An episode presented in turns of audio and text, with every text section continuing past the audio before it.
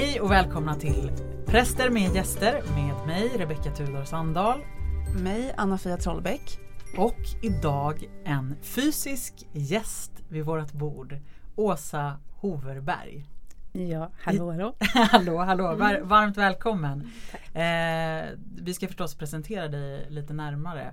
Eh, du är författare. Ja, Ja, och eh, vi har ju temat berättelser den här säsongen. Så det känns ju fantastiskt att nu ha någon som verkligen jobbar med berättelser i våran studio.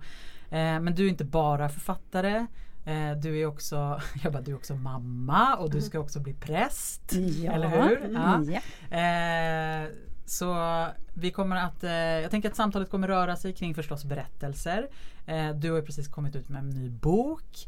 Eh, så vi rör någonting vid den och sen så givetvis vill jag ha samtalet liksom om tro och liv och eh, hur det kommer sig att du vill bli präst. Och, ja, vi får se. Men eh, ungefär där kommer vi vara. Mm, innan vi kickar igång liksom samtalet, bara liksom, vad är känslan just nu? Vad, hur mår du Åsa? Nej men den här dagen har börjat bra. Mm. Eh, och jag är jätteförväntansfull Mm. och sugen på att prata om allt du sa. Ja, vad härligt. Och du Ja. bor ju inte i Stockholm så du har ju dessutom tagit tåget hit, eller hur? Jag tog tåget hit igår eh, och så har jag sovit hos min bror i Sollentuna. Mm. Ja. Mm. Och är, annars så är du bosatt i Partille utanför Göteborg. mm, Partille. Mm. Mm. Eh, härligt. Vad känner du Anna-Fia? Ja, men nu är det bra. Jag hade en väldigt eh, lång resväg till skola och förskola i morse när jag fastnade vid en järnvägsövergång. Där bommarna aldrig gick upp. Jag stod och väntade på ett tåg som åkte förbi och sen så fortsatte bommarna att stå nere. Och barnen satt bak i bilen och bara Varför går de aldrig upp? Jag bara, jag vet inte. Och sen så tog vi en annan väg. Mm. Så att vi kom lite sent. Men när, eh, det är lätt att stressa upp sig, särskilt när man sitter och väntar på något som man inte vet. Man vet inte vad det är, man, när väntan ska ta slut. Eh, och eh, när vi väl hade liksom vänt bilen och tog den andra vägen istället. Då fick man ju bara, nu tar den här den tid det tar. Det är morgontrafik genom förorterna. Och eh, det gör inget att man kommer lite sent till skolan. Det är okej. Mm. Så att, eh, och sen så kom jag hit och eh, landat. Så att eh, nu känns det som att nu är jag här. Mm. Du då? Ja men alltså det där med att eh, vänta när man inte vet när väntan tar slut. Alltså det är ju ganska intressant faktiskt. För man kan ju stå ut med mycket när man, när man vet att någonting har ett slut. Eh, annars är det så himla jobbigt att gå igenom, alltså om man nu gör det här lite mer symboliskt eller filosofiskt. Eh, och samtidigt så är ju allt förgängligt. Allt har ju ett slut. Ibland är det skönt. Mm. Eh, jag har haft en sisådär morgon. Eh, men äh, apropå att allt är förgängligt. Allt tar slut och nu, nu känns det som att nu är jag här med er. Och jag är jätteglad att träffa dig Åsa. Eh, så här, en omedelbar känsla av att man så gillar dig. Eh, Tack så, detsamma. Mm. så det känns väldigt eh, det känns fint och det gör mig på gott humör. Och Anna-Fia vet jag att jag Mm. gillar så det gör mig också på gott humör. Mm. Mm. Eh, berättelser då eller? Ja. Du har precis, får vi börja i din bok eller? Mm. Det går bra. Det gör det va? Ja. Ja. Vad, eh, vad heter din bok? Den heter Trots allt. Och det är en fortsättning på en första del som heter Fortfarande här. Så att det är liksom titlarna hänger ihop fortfarande här trots allt. När de står bredvid varandra i hyllan. Så. Mm. Ja. Eh, båda eh, handlar om en småstad i Sverige som är fiktiv. Som jag har hittat på. Eh, men den är ganska lik Vänersborg. Alltså inte, inte allt men liksom i storlek och hur den ligger i förhållande. Varför just Vänersborg? Eh, Jag satt på ett café där eh, en gång för länge sedan. Och där liksom började några personer stå upp liksom. Så jag började skriva på någon servett där. Så att det blev, det är ju inte Vänersborg. Är man från Vänersborg känner man inte igen sig i, allt liksom. Men, men just storleken och närheten till Göteborg och lite, men lite småstadskänsla. Så den utspelar sig där och man kan säga att den handlar om två släkter. En frikyrkosläkt och en sådär lite elit eller vad man ska säga. De har alla tunga poster i samhället som kommunpamp och bandychef och sådär. Hur deras vägar krockar och har gjort i Mm. alltså generationer bakåt och även framåt kan man tänka. Mm. Eh, så det är en relationsroman. Mm.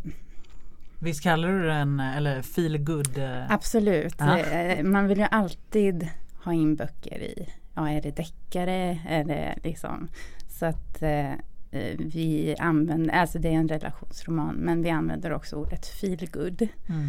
Men eh, det var som en journalist sa till mig som hade läst den att Kallar du verkligen det här feel good? Det är ju så mycket ångest och, och det är ju verkligen det. Och det är liksom i andra boken så är det ju en som har alkoholproblem och sådär och kallar det för feel good. Mm.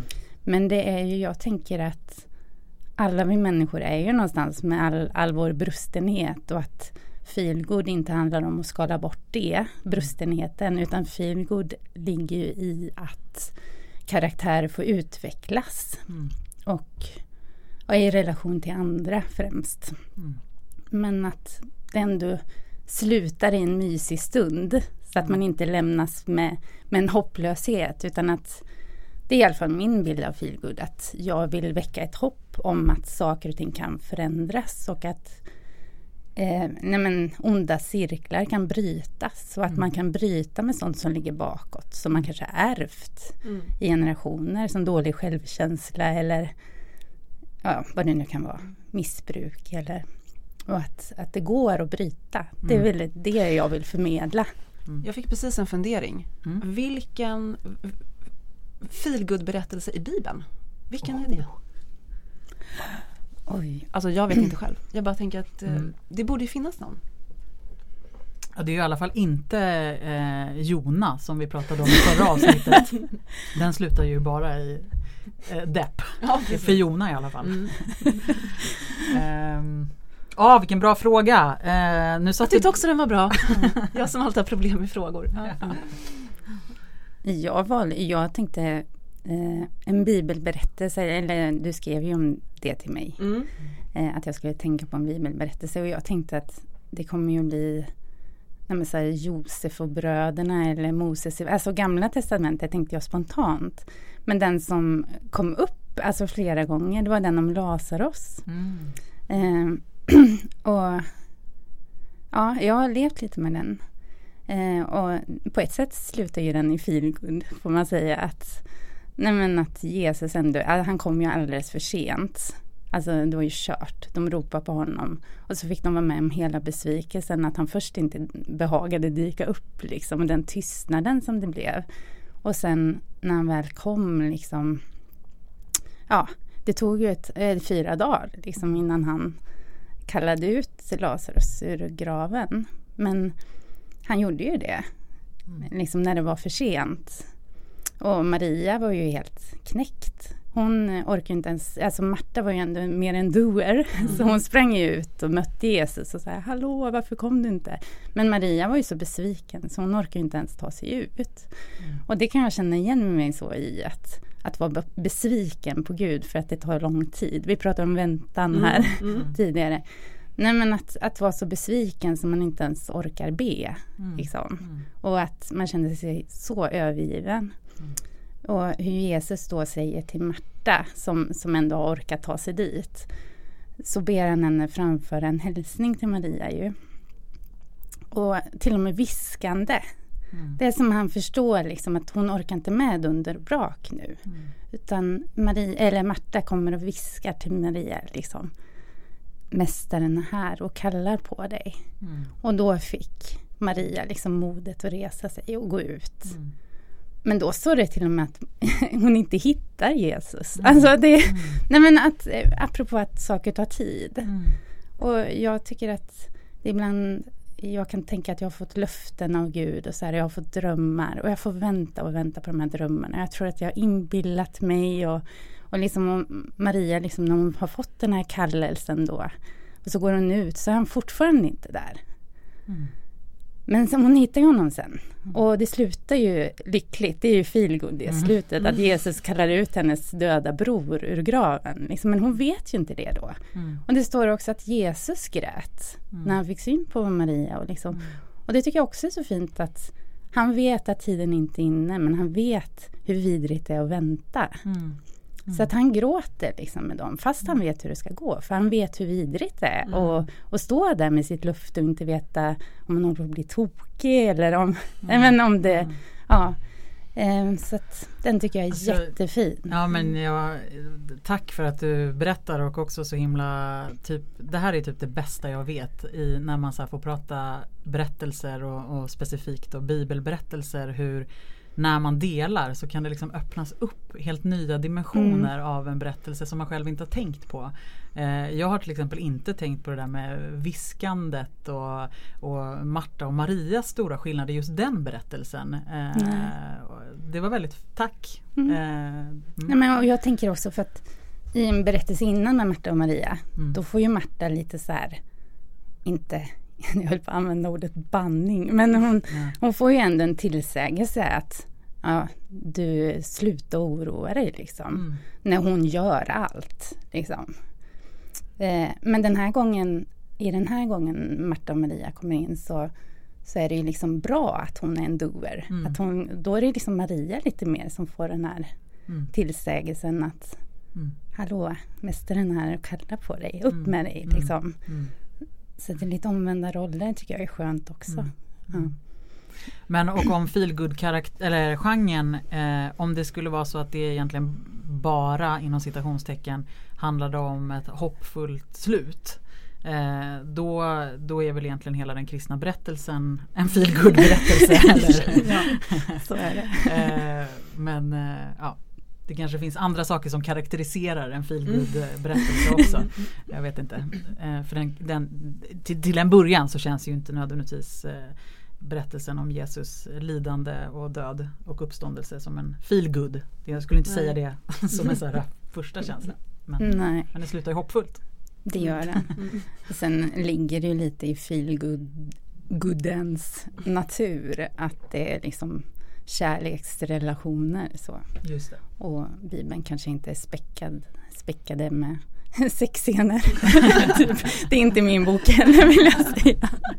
Men, ja. Nej det kan man känna att man saknar lite i Bibeln. Ja, det är Höga Visan då. Som, Ja. s- s- Som är lite svulstig Svulstig, i sitt Mm. språk. Men, eh, men inte heller där känner jag mig helt nöjd med liksom att det är härliga erotiska sexscener just. Nej, nej det är det inte. Inte på det sättet. Inte på det sättet. Du måste liksom eh, komma igenom alla lager av symboler och annat eh, språk liksom för att tränga fram till det. Mm.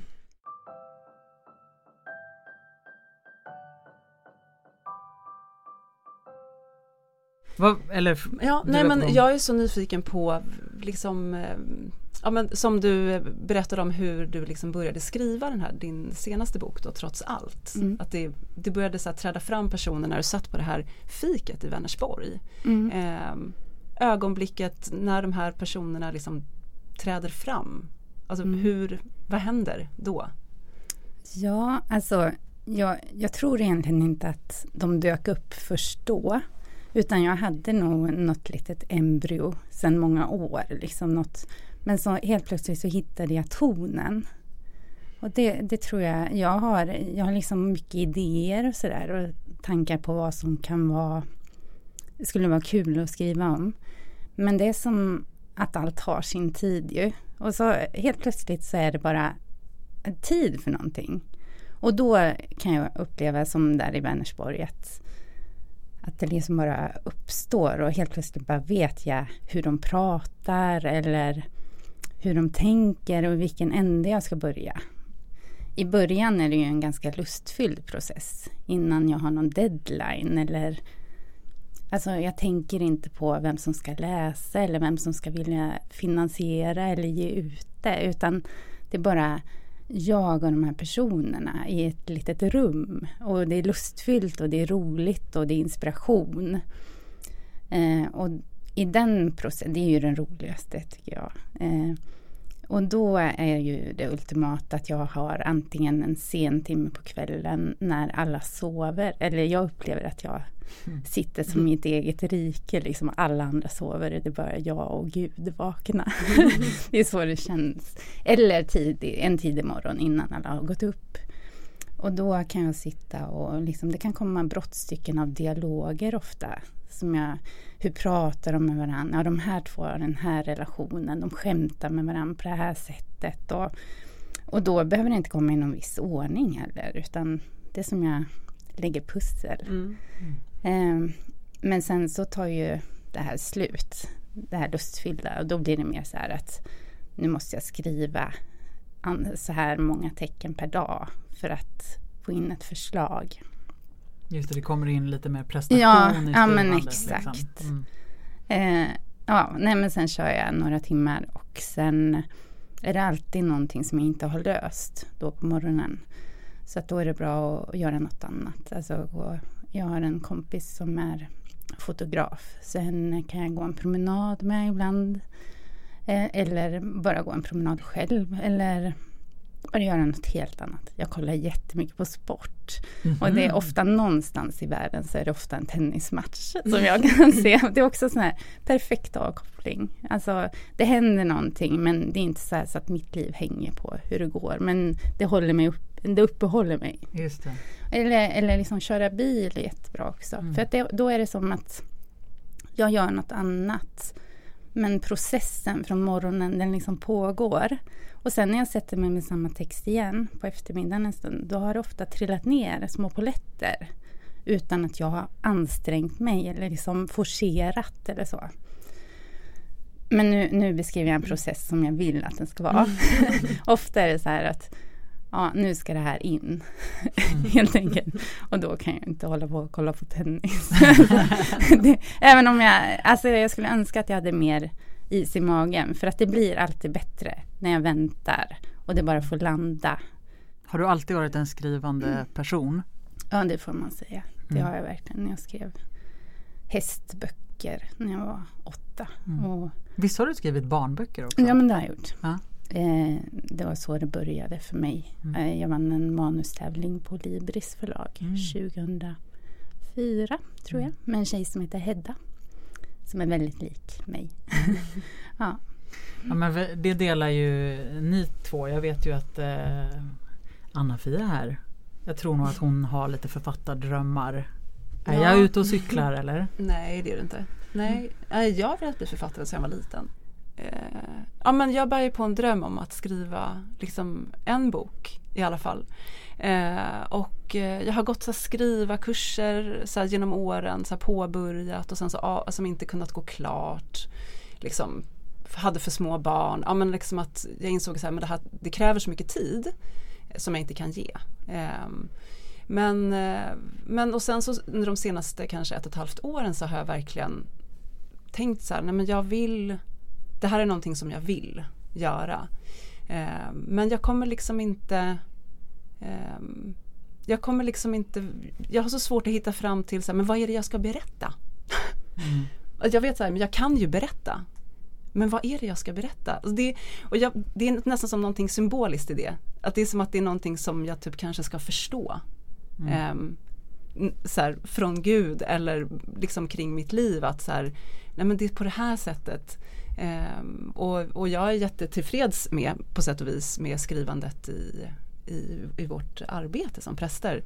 Men det finns någonting mer som så här, som ligger där och bara, men jag, jag vill ägna mig mer åt det här. Men jag vet liksom inte riktigt på vilket sätt. Um, och, um, så jag tänkte att du skulle hjälpa mig med det. Nej jag skojar. Jag tänker att alltså, det låter som ditt Vänersborg är inom räckhåll. Jag tänker att eh, alltså, du går och du förbereder dig, tänker jag. Och, och liksom i rätt tid. Alltså när man har småbarn och så, det är ju inte lätt att, att, få ihop det. Men jag tänker att den tiden kommer när du har mer tid för det. Så helt plötsligt så öppnar du dig för någonting och det landar, alltså en idé eller, och då kommer det bära. Då har du förberett, då kommer du veta vad du ska skriva. Jag tror verkligen Gud, det. Fantastiskt svar. Mm. Nej men för att de, de tillfällena när jag liksom har ron eh, då känner jag så här, men det här tar ju inte slut. Alltså jag kan ju sitta här och eh, bara så skriva typ om det här minnet. Eh, det är som att någonting in, det bara så vecklar ut sig och blir större och större och större. Så bara, var ska det här ta slut? Um, och sen så bara, ja men det var ju det där minnet som jag skulle skriva då bara till exempel. Men uh, okej, okay, jag ska våga liksom lita, lita, på, lita, processen. lita på processen. Ja, ja, ja fint. Mm. Jag ska mm. göra det. Mm, jag tar det till mig. och jag kan verkligen avundas er båda. För att jag upplever inte alls att jag har liksom, den gåvan. Eh, att, eh, utan jag, jag fastnar ju direkt i prestation och eh, Alltså det bara blockerar. Alltså, och jag, har, jag när ingen dröm om att här, bli författare eller skriva på det sättet. Men jag skulle ju önska att det var lättare för mig att skriva och berätta berättelser i mitt arbete som präst. Eftersom det precis som Anna-Fia säger är en stor del av, av ens arbete. Och jag eh, våndas inför varje process. Eh, och hittar inte lusten. Liksom, eh, utan Nej, och, och så tänker jag ibland att så här, Ja men antingen så, så här, Antingen är jag bättre än vad jag tror och så behöver jag liksom komma förbi det. Eh, eller så är jag inte bättre än vad jag tror eh, och då måste jag hitta ett annat sätt att förhålla mig till eh, till exempel predikoskrivande och sånt. Många väljer ju att inte ens ha ett manus till exempel utan att man predikar mm. mer utifrån någon stolp manus. Liksom. Ja, men jag tänker att, att, att, hitta sin process, att bli sams mm. med den. Eh, att det, alltså ibland kan man ju ha en, man kan ha en bild av hur man vill att mm. den här processen ska se ut. Mm. Alltså, man kan prata om skrivande men processer i livet överhuvudtaget. Eh, men, men att liksom, när man blir sams med den processen, så jag tänker på dig nu mm. i relation till predikoskrivandet bland annat. Mm. Men att så här, men det här är Um, för då, kan, då tänker jag att då kommer inte du känna den där prestationspressen mm. Eller att det är som att du så kramar ur en tras. Alltså föreställ, mm. få den mm. bilden mm. så här, oh, måste vrida ur den här predikan liksom. Mm. För att eh, du är en väldigt duktig predikant. Mm. Och det är ju väldigt bra predikningar. Så det är inte det har ingenting med det att göra. Eh, men att så här, bli sams med, men det här är min process, den funkar så här. Eh, jag vet till exempel när jag skriver predikan så har jag det som en trestegs det är verkligen en trestegsraket. Och ibland så av massa olika anledningar så räcker inte den där äh, tiden liksom krymper ihop och så vet jag så här, nej men nu jag är tvungen att kliva från steg ett till steg tre direkt. Så jag fattas liksom mellansteget. Och då våndas jag. För då är, då är det ganska mycket prestation på spel. Det här måste bli färdigt nu. Det hinner inte ligga till sig det där extra liksom, eh, mellanjobbet. Eh, och det blir ju färdigt och det blir bra. Men jag vet ju att jag trivs mycket bättre när, när jag hinner med den där trestegsprocessen. typ. Mm. Eh, så det tänker jag också så att det, det, handlar så mycket också om självkännedom. Mm. Um, jag tror att du kan slappna av mer. Tack. Mm. Nej men det tror jag också. Och, och li, lita på. lita på processen. Ja.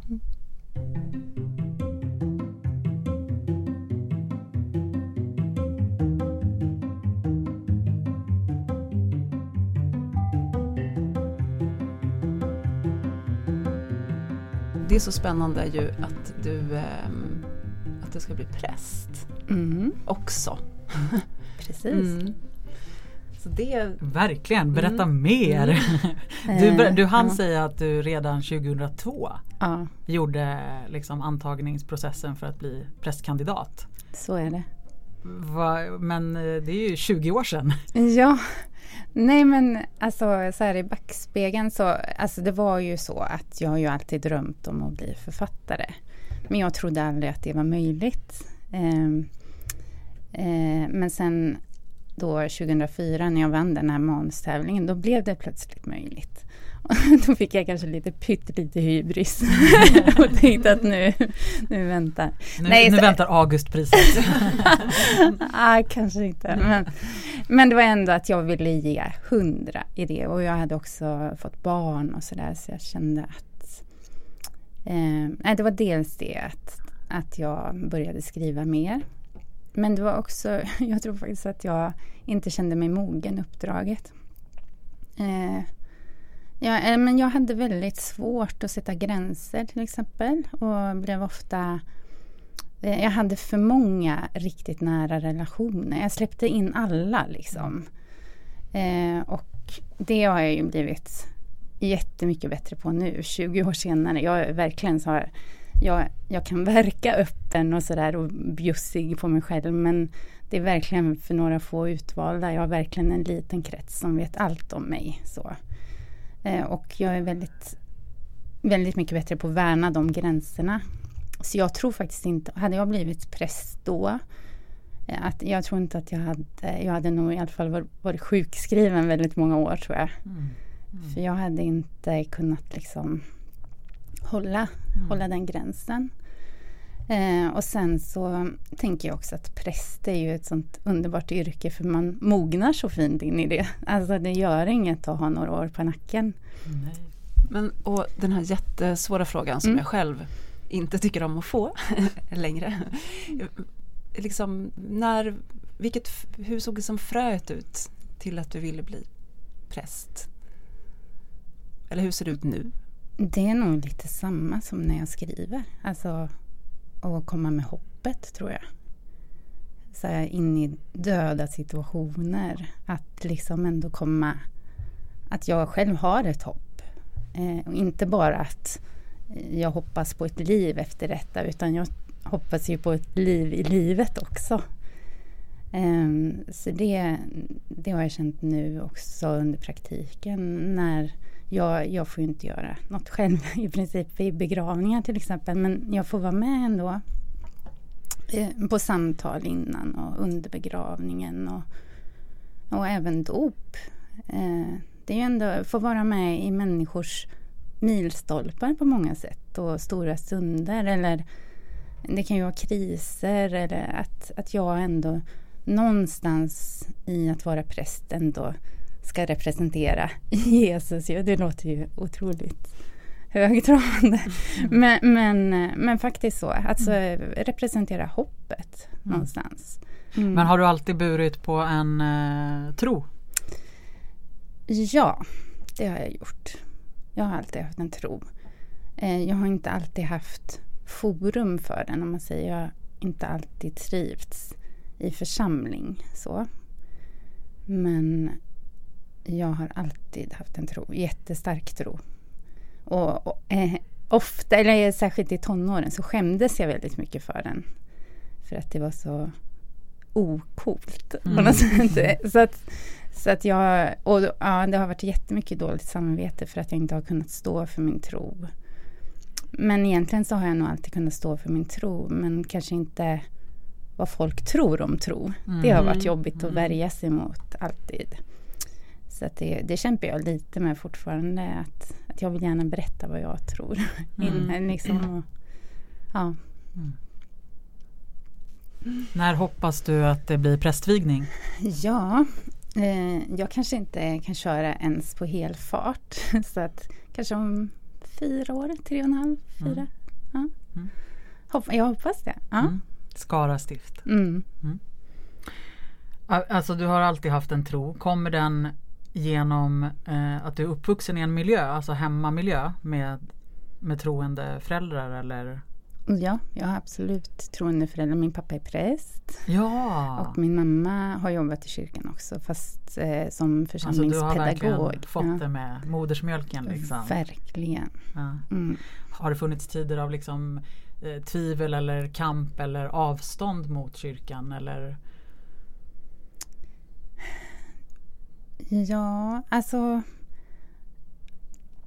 Nej, men det, det, är nog som jag sa förut att jag har haft svårare att hitta in i församling än vad jag har haft med Gud. Mm. Eh, men, men samtidigt betyder Alltså gudstjänstfirande betyder mer och mer för mig. Mm. Eh, liturgi till exempel. Eh, alltså att bara få att, att det bara händer. Att det inte hänger på min inspiration eller om jag mår bra eller dåligt. Utan jag gör samma. Liksom, mm. Alla sådana här strukturer som finns eller vanor som hjälper mig att liksom hålla elden brinnande eller vad man ska säga. Mm. Det, det ser jag som en stor tillgång. Eller sånt som inte... Jag kan ju bli lite trött på ord, jag som jobbar med ord. Mm. Och då kan jag tycka att det är så otroligt skönt med nattvarden. Särskilt de som orkar låta den vara okommenterad. Ibland så ska man ju liksom stå och referera till allt man gör så här utan bara låta det vara ett mysterium och liksom bara få gå in. Ja, ni, vi nickar intensivt både jag och Anna Men ja, jag, jag, tycker det är så fint allt som inte är ord mm. också. Mm. Men det är också mm. en berättelse. Ja alltså men det ordlösa och ja. inte minst liturgin. Det är ju mm. verkligen en, mm. en berättelse. Och det man liksom gör med kroppen kroppen på något sätt. Alltså mm. kroppsminnet. Eller, mm. ja. Mm. Så det utforskar jag mer och mer nu. Mm. Och när du, eh, det här med relationen till Gud som egentligen inte har varit då så komplicerad utan eh, Vad är det för relation? Alltså hur ser din relation till Gud ut då? Eh, det har väl också förändrats får jag säga. Eh, nej men det tog, eh, nu sa jag att min relation alltid har varit god. Och det har den väl på sätt och vis. Jag har inte tvivlat på att Gud finns. Det har nog alltid varit. Däremot så har jag tvivlat på att Gud verkligen, verkligen vill mig väl. Mm. Eh, jag har nog ibland i perioder varit att när det har hänt massa jobbiga saker, ibland kommer ju jobbiga saker i, i liksom sjok, så, där, så att det blir massivt nästan. Och då har jag väl haft lite bilden av att Gud vill fostra mig och det är för att jag ska mogna, det är för att jag ska lära mig tillit mot alla odds. Och ibland kan det ju vara jobbigt att ha en gudstro när det händer jobbiga saker för att på allt jobbigt man ska hantera så ska man hantera att Gud tillåter det också. Mm. Liksom. Mm.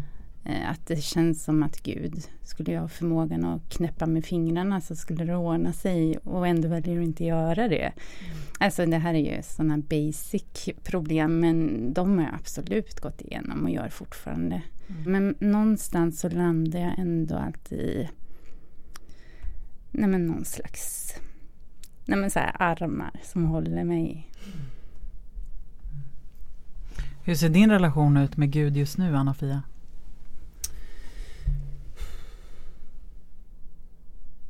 Ja, just nu är den...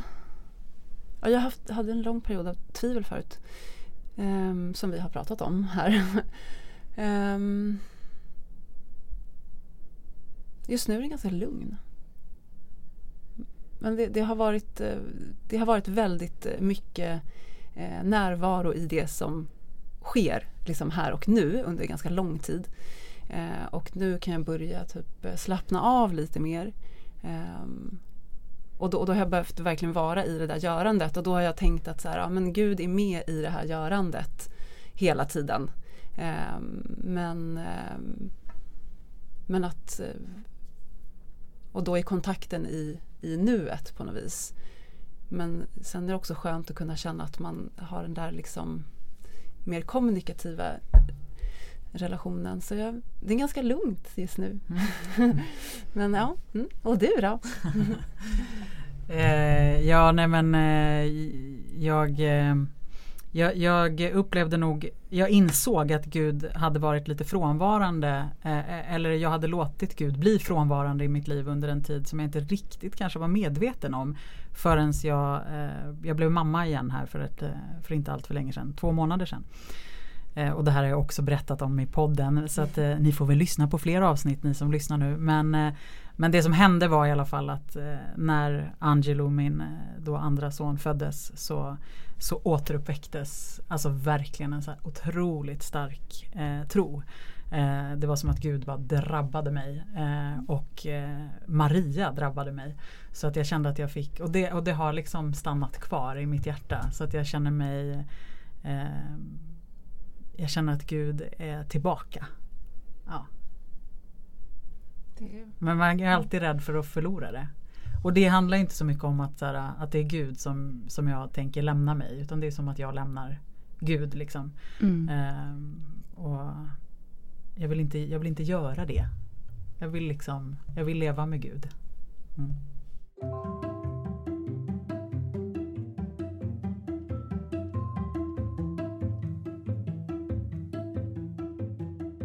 Kanske hoppar lite men en av de saker som jag eh, verkligen tänker att eh, att åh vad du har det här att se fram emot som präst. För att eh, Alltså någonting av det apps, alltså, som jag tycker är det allra heligaste det är ju att vi får ta del av människors berättelser. Alltså att få, som du berättade om, liksom det här med att vara med i människors liksom, milstolpar i livet. Eh, alltså det är ju helt, helt fantastiskt. Alltså vilken gåva det är att människor anförtror en saker och kanske så delar liv med en på ett sätt som de kanske faktiskt inte har gjort ens med någon annan. Och så bara, va? Du har inte ens träffat mig förut. Och, och så hamnar vi direkt i ett liksom samtal som, som så här, eh, är på riktigt. Och det tänker jag att det jag bara utgår från att det är det många människor längtar efter. Alltså att, att, så här, att det är på riktigt. Ja, samtal på riktigt. Ja. Det är ju Alltså det går ju inte att överträffa nästan. Det gör ju inte det. Och det, och det är ju också en ynnest att få vara med och ha en podd där man får ha den typen av samtal. Och idag fick vi ha ett sånt samtal med dig. Och det känns eh, så himla fint att du tog dig tid att komma hit ifrån Partille och uh, vara med i ett samtal. Men det berikar ju verkligen mm. berikar ju oss att få ta del av din berättelse. Och ja, Nu får vi bara en glimt av vem du är. Men uh, det har ju varit superroligt. Ja, med. Ja. ja men vad, vad, fint. Jag tänkte verkligen på uppstuds för att jag har inte förberett det här. Men uh, jag tänkte köra några snabba. Okej. Okay, ja. Är du redo? Ja. ja. Man brukar få dem snabba innan. Nej, nej, nej, nej, nej. Inte, inte när jag jobbar. Det är Rebeckas specialitet. Ja. Och som sagt jag har inte förberett så vi får se vad som kommer nu då. Mm. Eh, gamla testamentet eller nya testamentet? Mm. Snabbt jag tar, ni, jag tar nya. Jag tar nya. eh, Judas eller Petrus? Petrus alla dagar i veckan. alla dagar i veckan. Maria Magdalena eller Maria Jesu mor? Eh, jag tar Jesu mor ändå. Mm. Meditation eller lovsång? Jag tar lovsång. Högmässa eller en stund av andakt? Högmässa. Bil eller cykel? Åh oh, fy! Det är ju förbjudet men jag tar typ alltid bilen.